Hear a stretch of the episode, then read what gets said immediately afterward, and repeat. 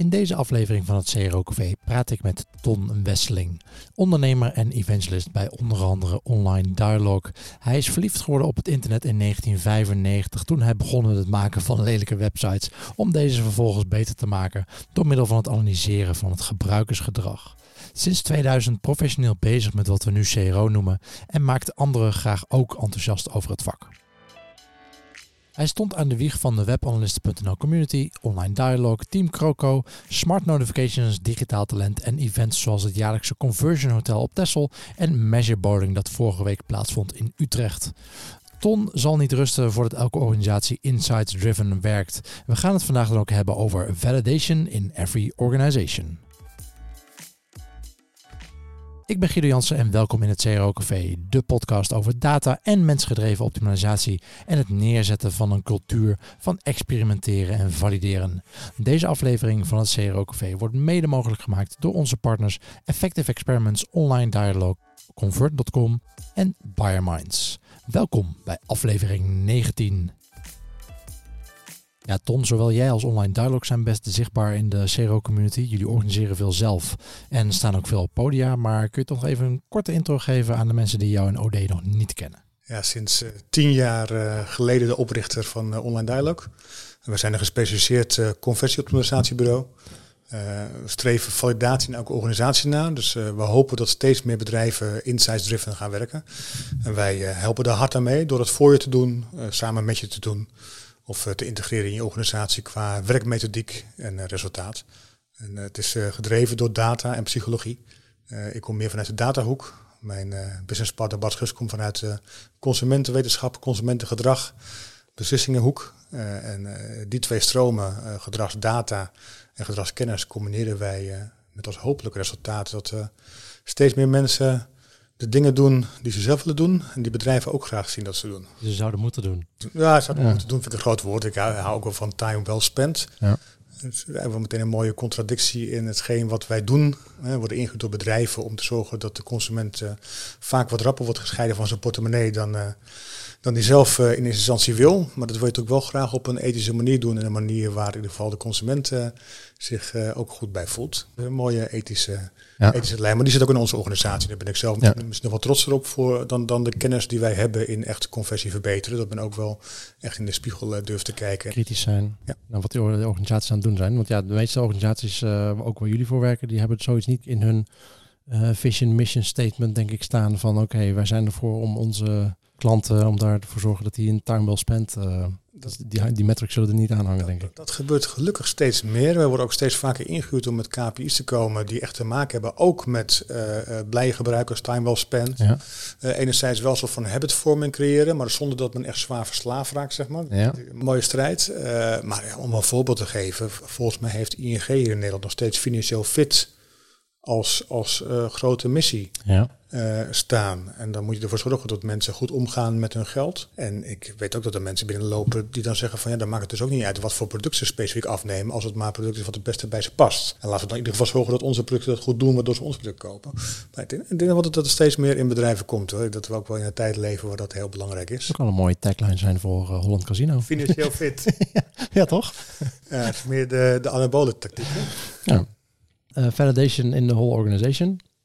Of in, in every organization. Dat is uh, sinds kort, uh, of sinds kort, dat is jullie tagline. Ja, het is meer het mantra. We hebben op een gegeven moment, we hadden een hele lange mission statement. Ja. Van echt zo lang dat eigenlijk niemand, niemand kon hem opdreunen. Uh, en die hebben we echt vervangen voor validation every organization. Het, het, hetgeen waar wij altijd aan hebben gewerkt, eigenlijk waar we ons altijd aan hebben geërgerd voor we begonnen. In dit geval Bart en ik, uh, was hoe kan het toch dat die, dat die, dat die websites, uh, was toen met name nog websites, zo slecht zijn dat er 404 pagina's zijn in je bestelproces. Maar ja. überhaupt dat er ook met zoveel beschikbaarheid van data uh, niet wordt gezorgd dat, dat de juiste keuzes worden gemaakt en dat men nog steeds op onderbuik aanpassingen maakt. Dus dat, dat, dat uh, onze missie was, dit, dit, dit is hetgeen wat we, wij gaan zorgen dat we die frustratie niet meer hebben. Want werken met data en psychologie is onwijs leuk. Dus het levert plezier op en de klant heeft er plezier van, de teams hebben er plezier van. Dat moet iedereen, daar hebben we een heel lang verhaal van. Maar dat hebben we nu ingekort tot validation in every organization. Hebben jullie een beetje de, de vinger op de zere plek weten te leggen van, van waar, waar komt dat dan door? Waar, waar ging het fout? Of gaat het nog steeds fout bij heel veel uh, organisaties? Ik ben een beetje bang dat het nog steeds heel fout gaat. Het gaat wel steeds beter. Um, maar de, de, de uitdaging, in de loop der jaren hebben we heel veel geleerd vanuit conversieoptimalisatie dat we heel goed uh, websites kunnen beter maken of apps tegenwoordig, e-mails of wat voor kanaal dan ook. Conversie verbeteren kunnen we dat heel goed in een heel mooi team waar we bezig zijn om heel hard te rennen en, en alles omhoog krikken. We hebben ook het gevoel van we, hebben, we leveren echt waarde voor de organisatie met z'n allen. En dan kijk je om je heen en denk je van, oh ja, wij, wij zijn met een conversieteam hier in dit bedrijf zijn met vijf of met zes. En om ons heen zijn nog 600 collega's en die doen het allemaal niet. Ja. En, en, en het conversieteam mag zeg maar de pleisters plakken en alles wat, wat van de wagen afvalt of wat niet opgepakt wordt of eh, gewoon usability principles die men niet weet, die mogen dan een beetje gefixt worden met, met wat AB-testen en verbeteringen door. Het voelt altijd heel raar als je als, als nou, voor CRO of hoe je het ook wil noemen, dan bij een organisatie zit inderdaad. Denk ook dan deels van, oké, ik zal wel een enorme bias hebben voor het werk dat ik doe, maar ik heb eigenlijk het idee dat iedereen dit zou moeten doen. Want dit is gewoon een manier van denken. Het is niet, het is niet een trucje dat, dat we doen. Ja, en dat zijn we ook met z'n allen de afgelopen tien jaar steeds harder gaan roepen eigenlijk. Dat het een trucje is. Nou, niet dat het een trucje is, dat het ongelooflijk belangrijk is. Ja, ja. Het, het aantal, ik denk dat het meest opzienbarend is als je nu naar een congres gaat en, en je kijkt naar sprekers die er staan. En vooral de meer ervaren sprekers. Neem nou een Evanis Kouchik als voorbeeld. Een mm grote analytics guru. Uh, kan geweldig presenteren, vol met passie. Vertelt hij in hemelsnaam hoe het mogelijk is dat jij nog steeds die fouten maakt. Komt dan met een voorbeeld dat hij in het lokale land waar hij presenteert, bijvoorbeeld Duitsland, heeft een query gedaan op vliegtickets en de eerste twee resultaten komen al uit op een landingspagina die totaal niet past bij de advertentie. Ja. Nou, daar haken mensen op af, dat weten we allemaal. Maar het gebeurt nog steeds. En die voorbeeld had hij tien jaar geleden ook al. Dus hij riep het tien jaar geleden ook al. Dus we krijgen op een of andere manier toch iets niet helemaal voor elkaar. Terwijl we allemaal weten van ja, wat, wat wij doen is ongelooflijk waardevol. En we kunnen de hele organisatie kunnen we naar voren trekken of, of veranderen. Maar we zitten nog steeds met z'n allen in zo'n klein hoekje waar de rest van de organisatie gewoon zijn eigen ding blijft doen. Oh ja, ja. dat zijn de jongens van het CRO-team. Zolang ze maar niet aan jouw uh, funnel zitten of customer journey of, of pagina of product, uh, dan heb je mazzel. Want als ze er wel aan gaan zitten, dan wordt alles bevroren, dan mag je niks meer aanpassen en dan loopt er een AB-test en die kan stuk gaan. Dus eigenlijk allemaal heel irritant. Nou, ik denk dat dat wel een deel is van het gevoel wat, wat veel mensen inderdaad buiten dat CRO-team hebben vaak. Is dat, dat van, oké, maar dat is mijn werk waar jullie aan gaan zitten. Dat, is heel, dat, dat voelt nou, dat is als een, soort van aanval, zeg maar. Van ja, ik, ik heb die uh, landingspagina ontworpen, ik heb die campagne ontworpen, ik heb die hele website gemaakt. Uh, jullie gaan me ineens vertellen dat ik mijn werk niet goed heb gedaan.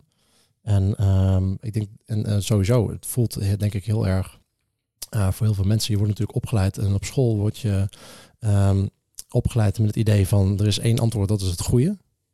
En um, sowieso, je manager wil een antwoord van je. Niet zozeer van dat je het niet weet. Of oké, dan kunnen we gaan proberen. Dat voelt veel te vrijblijvend. Er moet gewoon één antwoord komen. Dat is, dat, is, dat is hetgeen wat je oplevert. En dat is hoe we met z'n allen getraind worden om te denken. En, en dat, dat is de verwachting die iedereen uh, heeft.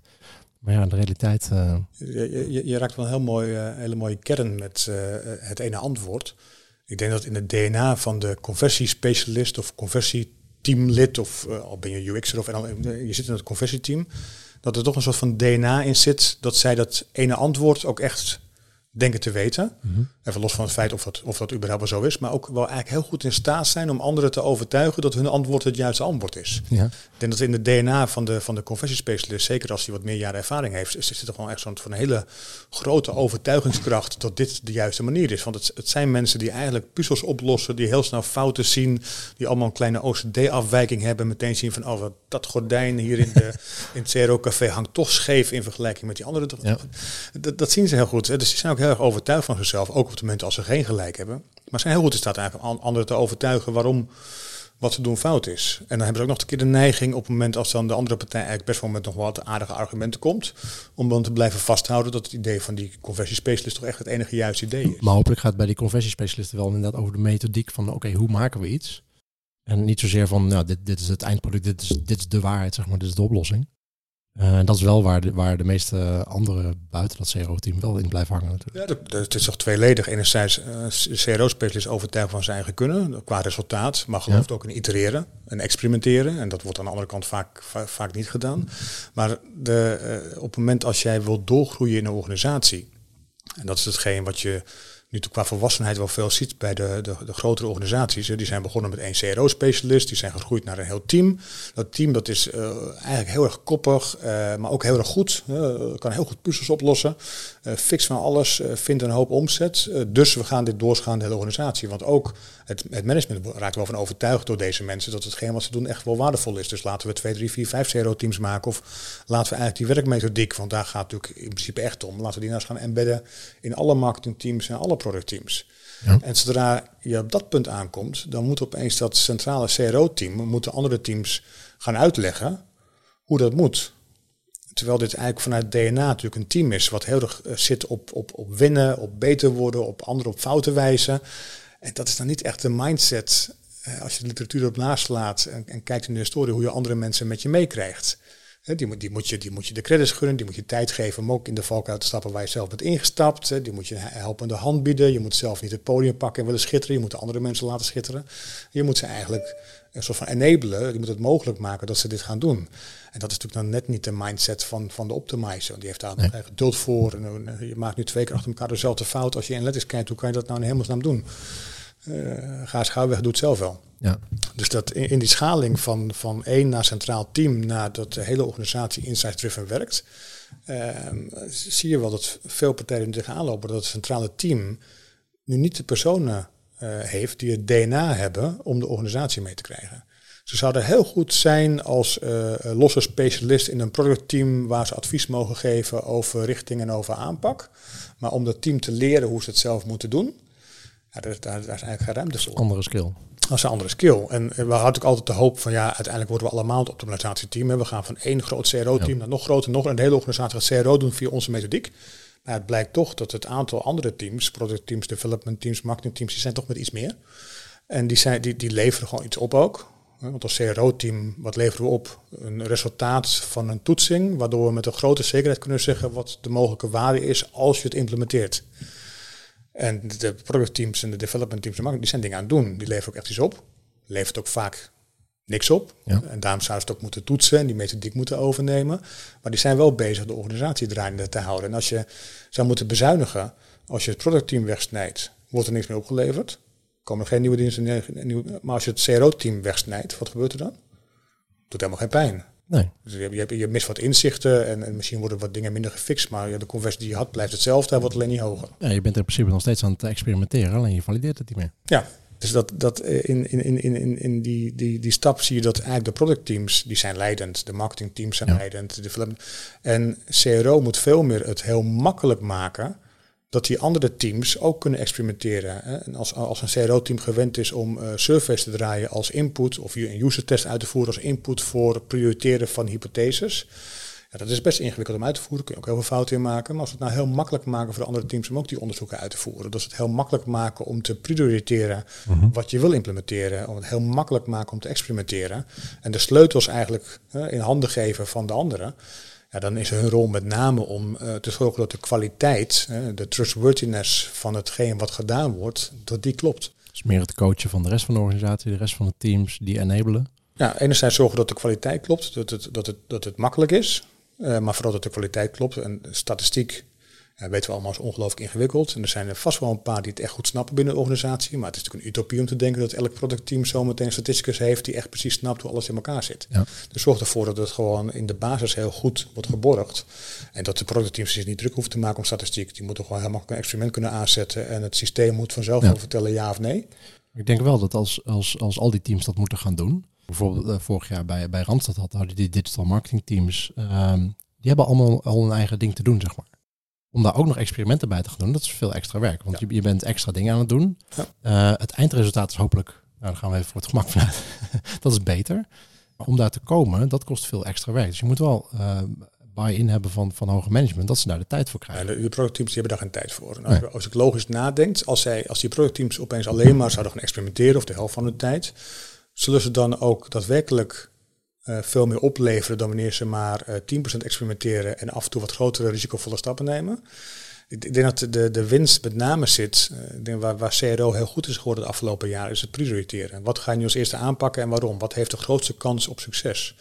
En die kennis wil je eigenlijk in de prototypes hebben. Want er wordt nu vaak geprioriteerd op basis van een soort van puntenplanning. Van nou, alle teamleden mogen een score geven. Ik vind dit een 5 en dit geef ik één punt en dit twee. En dan hetgeen waar we met z'n allen het meeste vinden gaan als eerste aanpakken. Nou, hopelijk ligt daar wat onderzoek onder, waardoor het in ieder geval nog een soort van, van gevormde expert opinion is. Maar het blijft een beetje onderbuik.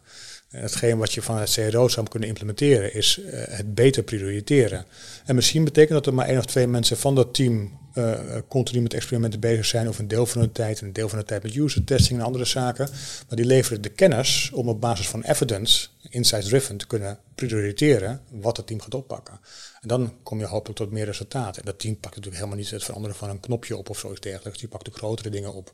Uh, nieuwe features, uh, misschien wel een hele nieuwe productstraat, een nieuwe upsell mogelijkheid bij iets wat je verkoopt. En daarmee maak je uiteindelijk meer impact. Maar ja, die kosten ook wat meer tijd om te maken. Dus die kosten meer geld. Dus je wil daar juist die, die prioritering op orde hebben. En, en datgene pakken wat de grootste kans op succes heeft. Wil jij ook een cultuur van experimenteren en klantgedreven beslissingen opzetten in jouw bedrijf? Dit is niet iets wat vanzelf gebeurt. Het begint met het neerzetten van een betrouwbaar proces waarmee je experimenten in de gaten kan houden, kennis kan delen en waarmee je iedereen binnen je bedrijf op de hoogte kan houden van de voortgang en de resultaten. Effective Experiments is het CRO-succesplatform waarin je al je gebruikersonderzoek, experimenten en rapporten kan vastleggen op één centrale plek. Start vandaag nog met het bouwen aan jouw optimalisatiecultuur met Effective Experiments. Een demo aanvragen doe je via www.effectiveexperiments.com. Ander vraagje. We hadden het er uh, in, de, in de podcast waar jij ook in zat met, uh, met Hajier en Carl tijdens de e-mails conversion. Wat ik ook heel vaak tegenkom, waar Hajier het over had. Hij gaf als voorbeeld volgens mij, dat was een, een webshop van een, een Italiaans modehuis volgens mij. En dan zeggen we hebben dit aangepast. En zeggen we ja, maar dat vinden, dat vinden we niet mooi.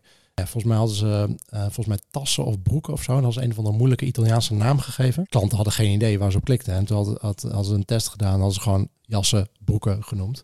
Uh, of waarschijnlijk in het Engels. Uh, maar veel hogere click-through rate. Mensen begrepen tenminste waar ze, waar ze heen moesten. Uh, maar ja, dat vond de klant niet mooi. En dus dan, dat ging dan, ging dan niet worden. Daar hebben ze icoontjes bij gezet. Dat, dat is wel een stukje, stukje beter. waar het volgens mij op neerkomt. De teams waar je mee werkt, hebben blijkbaar niet de KPI's waar jij mee werkt. Heel veel CRO-teams worstelen daar volgens mij dat zij strikt op bijvoorbeeld omzet of, of profit aan het optimaliseren zijn. Waar volgens ons ook vaak die teams wel misschien uh, mee bezig zouden moeten zijn. Maar branding is, uh, is vaak een, uh, iets wat nou, sowieso lastig meetbaar is. maar waar dan ook naar gekeken wordt, wat je dan misschien van tevoren niet weet.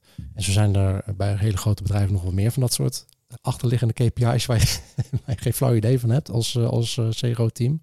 Nou, jij gaf net ook al aan, ja, ethiek is eigenlijk ook wel een dingetje. we moeten ervoor zorgen dat de klanten tevreden zijn, dat ze inderdaad nou, financieel fit zijn. Um, hoe meet je dat en dat soort dingen? Hoe zie jij, hoe zie jij die, die ontwikkeling? Want, want dat is best voor heel veel CRO-teams best wel lastig om op die manier. Je loopt elke keer tegen die muur aan van ik probeer waarde te geven. Ik geef naar mijn idee ook waarde. Maar ik loop steeds tegen zo'n muur aan van ja, maar dan blijkbaar is omzet of profit niet zo heel belangrijk eigenlijk. Het is, het is een lange zin waar ik meerdere vragen ja. destilleer. Laat ik eerst uh, eens terugpakken op het, uh, op het uh, feit dat het CRO-team dan een aantal labels verandert op zo'n website en, en daarmee heel veel conversie verbetert. en, het, en, en het feit dat het CRO-team dan blijkbaar op, op, op geld wordt afgerekend en het team wat, wat die journey of die labeling beheert niet. Um, en meer vanuit brandgedachte een bepaalde naam geven, want dat, dat past bij de uitstraling. Hè. Het woord tasjes, dat past niet bij onze uitstraling, dat ja. moet een mooi fancy Italiaans woord zijn. Um, het feit dat het CRO-team die kennis wel heeft en men in de organisatie niet, dat het echt, echt heel erg killing is voor conversie. Ik denk dat dat iets is al wat al opgelost had moeten zijn van tevoren. En dat het CRO-team ja, eigenlijk in die vorm geen bestaansrecht zou horen ja. te hebben. Dat, dat de teams en organisaties dit zelf weten. Um, nu is het helaas in de praktijk niet zo. Dus het CRO-team creëert daardoor bestaansrecht uh, om dit, dit, dit soort zaken op te pakken en op te lossen. Maar als ze dan die aanpassingen gaan doorvoeren of ze gaan testen, dan gaan ze wel dwars tegen alle andere teams in. Dus ze lopen eigenlijk heel erg in de weg. Dus ik denk eerder dat, dat je uh, bijna losstaand onderzoek wil uitvoeren. En dan de adviezen gaan uitbrengen en, en, en laat de teams maar de, de, de keuzes maken of de manager specifiek. Want uiteindelijk het op geld afgerekend worden voor CRO-teams, uh, we denken allemaal dat we heel veel waarde toevoegen.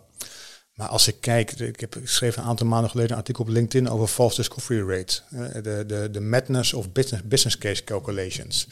Ehm, dat gaat erover dat heel veel, um, vooral agencies natuurlijk, want die moeten zichzelf helemaal bewijzen. Je geeft ons zoveel geld, wij ja. geven zoveel voor je terug. Dat die komen met berekeningen wat ze opleveren, die echt helemaal nergens op slaan. Ze houden geen rekening met het aantal false positives wat ze hebben gevonden. Ze houden geen rekening met, met type M-afwijkingen, dat je eigenlijk veel meer waarde vindt dan het in praktijk is. Dus heel vaak als die CRO-teams doorrekenen wat ze echt opleveren, ja, kan het bijna niet uit. Uh, ja. Dus op geld afgerekend worden is, is ook wel een hellend vlak. En misschien ook wel een vloek in, in, in de afgelopen jaren dat het juist ook alleen maar daarop zit. Waardoor we allemaal dat zijn gaan oppompen tot ongekende hoogtes van wat we allemaal niet opleveren. Maar als dan een jaar later wordt gekeken naar implementatie, wat het echt heeft opgeleverd, maar ik zie helemaal geen spike. Hoe kan dat toch? Ja. Nou, dat heeft allemaal statistische redenen. Maar we, moeten juist niet worden afgerekend op, op, op dat geld. Het is juist de kennisbijdrage aan dat team en het feit hè, dat je weet dat die benaming eigenlijk anders moet. Want het scheelt echt heel veel. Maar het hadden het over 30, 40 procent. Ja, echt klopt. Ja. heel, veel, heel veel geld. Ja. Eh, die kennis moet gewoon in de organisatie aanwezig zijn. Op het moment als men de afweging maakt tussen brand, lange termijn investering of korte termijn geld. Want misschien op de lange termijn kan het zo misschien wel veel meer opleveren die hele fancy Italiaanse naam te gebruiken, wat op een gegeven moment Zou zomaar kunnen, ja. Dat, dat, dat weet je niet met CRO. Dus die kennis moet in de organisatie beschikbaar zijn. Het moet, het moet helemaal niet dat CRO-team zijn wat, wat, wat daarmee bezig is, nee. in mijn beleving. Ook omdat ze uiteindelijk in de vorm waarin ze werken helemaal geen bestaansrecht hebben. Die, die kennis moet aanwezig zijn van tevoren en die methodiek moet gewoon geadopteerd worden. En laat, laat, laat dat CRO-team, ja, de naam alleen als CRO, maar validatieteam of ja. wat je het ook wil noemen. En laat die maar de techniek beheersen, de kwaliteit en zorg dat iedereen het onderzoek kan doen. En wat er specifiek onderzocht wordt, zou het CRO-team ook helemaal niet moeten uitmaken. Nee, ja, je kan natuurlijk ook gaan optimaliseren voor, voor brandherkenning of zo. Dat soort, dat soort dingen. Daar, daar kun je ook wel uh, voor gaan, gaan optimaliseren. Dat, daar is niks mis mee. Maar dan moet je dan van tevoren wel weten en, en wat, wat belangrijk is voor die organisatie, waar ze echt waar zij in ieder geval de waarde in zit. Ja, de, de, juiste KPI is een interessant vraagstuk. Ook, ook, wij worden nog steeds heel vaak ingehuurd om, omdat van, we hebben hier nog een, een losstaande sales funnel waar eigenlijk geen team op zit. Ja. En uh, als we jullie nou gewoon een tijdje inhuren en dan gaan daar conversie knallen, dan levert het waarschijnlijk meer op dan het kost. Dus ik durf wel die gok aan en, en ga maar rennen, mannen. Ja. En dat, dat werkt ook wel, want een soort van braakleggend terrein waar je geld vindt. Ja. Uh, dat is interessant. En dan heb je ook geen last van andere mensen waar je mee, uh, mee, mee bezig bent. Maar dat is, dat is eigenlijk niet, dat is, dat is de korte termijn KPI. En gelukkig komen er steeds meer klantopdrachten waar je echt bezig bent van wat is nu de overall evaluation criterion. En wat was de lange termijn waarin je werkt. Uh, terugkerende klanten, loyale klanten, uh, merk, merkwaarde, perceptie. kunnen we daar metrics voor bedenken en kunnen we die dan tegen elkaar afwegen. En als dan een, een experiment wordt uitgevoerd die heel veel geld oplevert, maar ook toch wel schadelijk is voor de merkherkenning, mhm. wat vinden we dan belangrijker? Ja. wat geven we meer weging? Uh, en, en, misschien is dan toch die transactie korte termijn heeft een iets minder zware weging dan die brandherkenning. En wordt toch die winnaar op transacties niet geïmplementeerd. Maar dan moet je consensus over krijgen. Maar dan heb je ook uh, buy-in nodig. Uh, en dan zit je ook op volwassenheidsniveau op de fase waar je dat, dat ene optimalisatieteam met ontgroeit. En men ervan overtuigd is van hey, deze werkmethodiek, die moeten we eigenlijk gaan embedden in de hele organisatie. En dan heb je ook de juiste KPI nodig. Ja, en, en, bedoel, ik vind het prima als, als, als brand zegt van ja, dit is slecht voor ons brand, dat gaan we niet doen. Vind ik een prima reden maar liefst dan met iets meer onderbouwing. Ja, maar dat, dat is een, mooie mindset. Ik heb veel optimizers die daar echt, eh, die stijgen ervan. Die gaan echt de hak in het zand. En, en, en die staan dan, en dan graaf je eigenlijk je eigen graf. Want je wordt, je creëert vijanden. En, en als je heel erg gelooft in hetgeen wat je doet, om te zorgen dat andere mensen het gaan ook doen, moet je het mogelijk maken dat ze het kunnen uitproberen. En niet, niet, ja. niets in. Mijn insteek is meestal gewoon dat, dat het CRO-team, of hoe je dat team dan ook noemt, het informatie geven aan, aan de product owner. Uh, de eigenaar van, de, van die, website beheert, die maakt de keuzes van, die kan die afweging maken van, oké, vind ik brand belangrijker, vind ik die conversie morgen, vind ik die belangrijker. Um, die, die beslissing kan, kun je als CRO-team niet maken, naar mijn idee. Nee, en als je, als je daar vaak bij zit, dan kun je daar op een gegeven moment wel wegingen aangeven. Ja.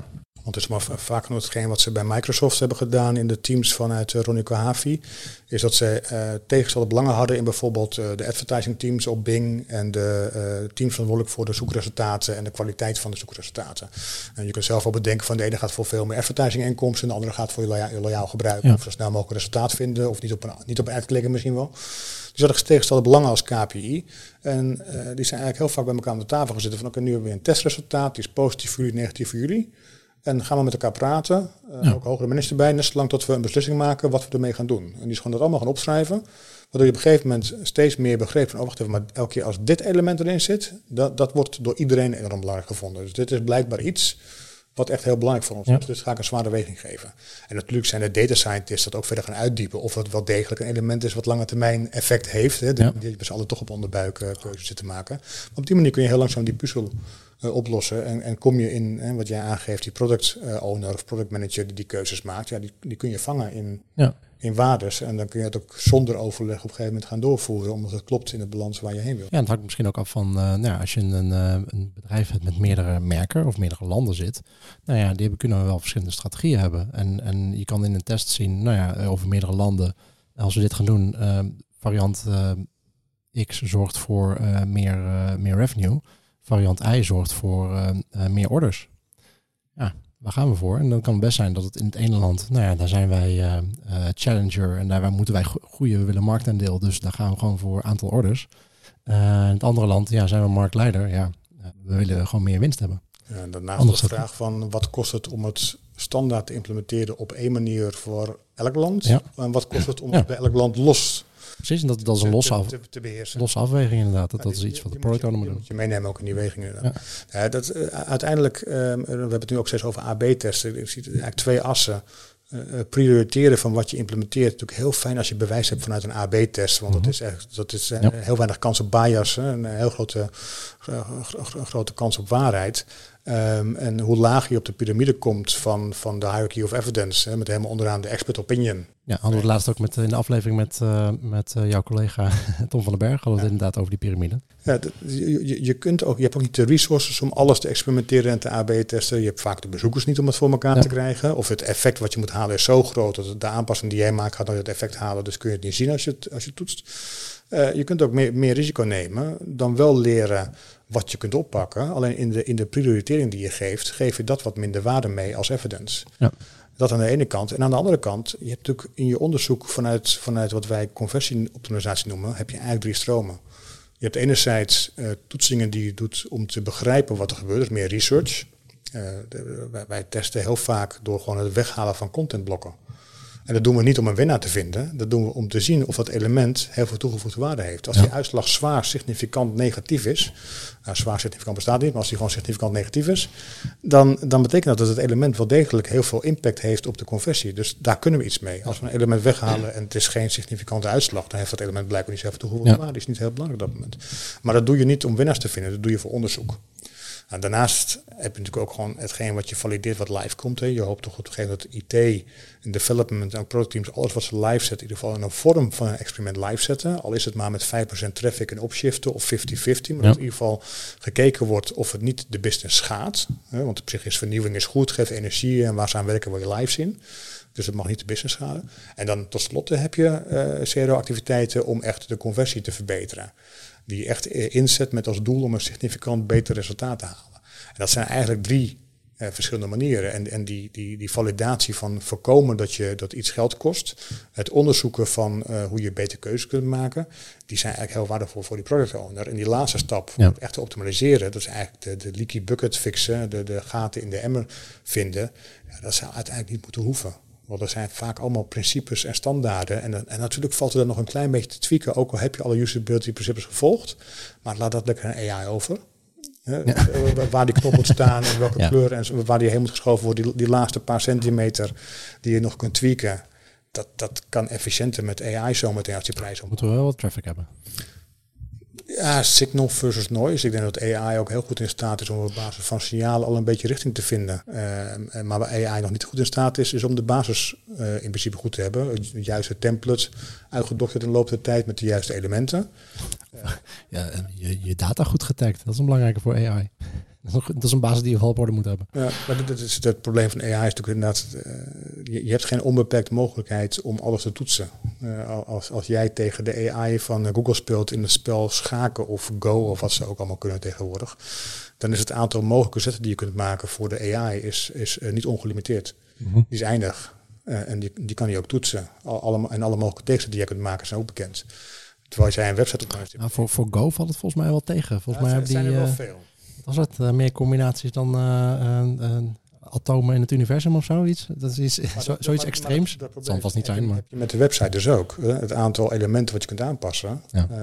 Um, en hoe, hoe, het gedrag van de mens daarop reageert als je ze aanpast. Dat is ook oneindig groot. Ja. Alleen het aantal gebruikers wat je hebt om het te toetsen dat is helaas niet oneindig groot. Nee. Uh, zelfs, zelfs, Facebook. Uh, ik was laatst op uh, MIT, anderhalf jaar geleden alweer trouwens, ben ik nu, moet er snel weer heen.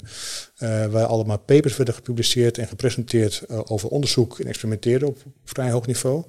En in een presentatie gaf het Facebook advertising team aan dat ze te weinig bezoekers hadden. Ja om de experimenten te kunnen uitvoeren die ze wilden uitvoeren. Daar waren ze met meeste dikke gekomen hoe ze snel tot resultaten konden komen. Maar alleen het feit dat zij al te weinig bezoekers hebben. Wat moeten wij dan nog? Ja, ja precies. Heb jij interesse in geavanceerde optimalisatietips? Of ben je binnen je bedrijf een conversieoptimalisatieproces aan het opzetten of verbeteren? Convert.com is de organisatie achter Convert Experiences, de privacy-georiënteerde AB-testing tool die dit allemaal een stuk makkelijker maakt. Daarnaast hebben ze nu Convert Launch, een nieuwe service als aanvulling op je AB-testing software dat jou de ondersteuning geeft van een gecertificeerd conversiebureau. Denk aan extra training, opzetten van een interne hypothese en prioritering en hulp bij experimenteren. Voor meer informatie hierover ga je naar convert.com/launch. Papers eh, van MIT, dat vind ik al een interessante. Waar haal jij nog meer inspiratie vandaan? Um, heel veel van CRO-peers, uh, de mensen die in het vakgebied bezig zijn. Uh um, wat die publiceren uh, op, op, op de sociale kanalen, van, van Facebook tot Twitter tot LinkedIn. Uh, en wat daar veel geliked wordt, zijn vaak artikelen die weer ergens op een medium verschijnen of op LinkedIn zelf. Die, die lees ik. Dus whatever de, de Twitter AI jou voorschotelt, wat veel geliked wordt in je netwerk. dat, dat, dat, lees ik. De, wetenschappelijke artikelen. Um, ik volg, volg redelijk veel wetenschappers van de science teams van de Facebook en de LinkedIn's en de Airbnb en de Boekers en dergelijke. Die publiceren mooie onderzoeken tegenwoordig. Ja, een paar van dat soort bedrijven publiceren zelf ook. Ook steeds leesbaarder die onderzoeken. Oké, ja. Uh, vind ik interessant. Inderdaad, de blogs van dat soort bedrijven. Ja. Uh, Airbnb, Skyscanner, uh, Booking hebben eigen onderzoekblogs waar ze schrijven over dit, dit soort vakken. Maar ook gewoon gesprekken met mensen. Ik, ik ga heel graag ook de andere kant, niet alleen maar de CRO-specialist, maar ook de manager bij een organisatie. Waar loop je tegenaan? Uh, waarom zijn jullie niet volledig insights-driven? Hoe komt dat? Waar liggen jouw prioriteiten? Waar zit je pijn? Ja. Die, gesprekken voeren, dat, dat levert ook geweldig veel inzichten op. Dus ik ben eigenlijk altijd onderweg, een evenementen, bedrijfsbezoeken, om met mensen te praten en te proberen te begrijpen wat er aan de hand is. Ga je de komende maand doen? Um, veel presenteren. ik mag naar Londen. Volgens mij zit er nog iemand uit, uit, Nederland die daar presenteert. Er staat me iets van bij. Oh. Ik, weet, ik, weet, even niet meer wie. Hoe heet de conferentie? CRO Elite. Volgens mij is het tegenwoordig Digital Elite Day. In, in Londen, daar uh, mag ik het verhaal over, uh, eigenlijk de, wat we het hierover hebben gehad, die overgang van volwassenheid van één persoon naar een team naar een hele organisatie. En hoe eigenlijk de DNA van het team uh, totaal tegenovergestelde is. Dus meer pride-driven ja. dan het DNA van het team wat de organisatie enabled. Dat is humility-driven. Um, uh, daar presenteer ik over. Dat doe ik ook op Elite Camp in, in Tallinn in, in Estland. Ja. aankomende, aankomende maand. ik ben nog veel aan het schrijven, een aantal artikelen. Um, ik schrijf nog altijd voor e-mails, alweer bijna tien jaar zag ik. Ook laatst. Uh, Krijg je nu een loge van ze of zo? Dat hoop ik. Hopelijk luistert er iemand. ik, ik, ben, ik ben aan het terugkijken. Het is heel leuk om, om de columns van, van negen of tien jaar geleden terug te kijken. Veel veranderd of denk je, is vooral veel herkenning van... Uh, het is echt een... Uh, de, ik zit te kijken om het te gaan bundelen en wat omheen te schrijven. Want het is een soort van, van tijdreis door CRO heen. En de eerste artikelen gingen ook, waren gewoon voorbeelden van... Uh, bijvoorbeeld 404 pagina's die klanten toch kunnen verleiden om nog verder te klikken. Ja. Uh, dat is echt op dat niveau. En het, het gaat nu echt over. Dat, dat, moet wel fijn zijn om te lezen, toch? Dat er zoveel. Want als je er dagelijks mee bezig bent, denk je van ja, uh, het schiet niet op. En uh, wat zijn we met z'n allen toch aan het, aan het worstelen. Maar als je dat dan leest, denk je van ja. Ja, we hebben echt, we hebben echt wel stappen gemaakt. De grootste, grootste uitdagende stap die komt nu hoor. Het uh, insights-driven krijgen van organisaties. de, de toekomst bestaan ze van CRO. in mijn presentaties vertel ik ook CRO is dood. Um, wat natuurlijk gewoon puur bedoeld is om te zeggen van als je zo doorgaat en alleen maar deze rol aanhoudt, dan zal die er niet meer zijn. Je zult echt flink moeten veranderen ja. in hoe je erin staat en hoe je bezig bent met CRO om inderdaad een stap verder te komen en die organisatie is echt... Een van die stappen die je net al noemde was uh, dus eigenlijk meer uh, niet zozeer zelf experimenten aan het doen, maar je, je collega's opleiden om dat te gaan doen. Ja.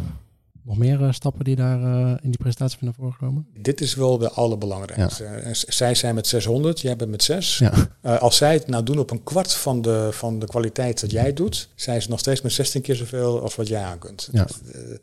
Het is een soort van no-brainer. Alleen hetgeen wat je moet doen om dat mogelijk te maken, dat um, er zit echt wel verandering als je kijkt naar onze eigen volwassenheidsmodellen.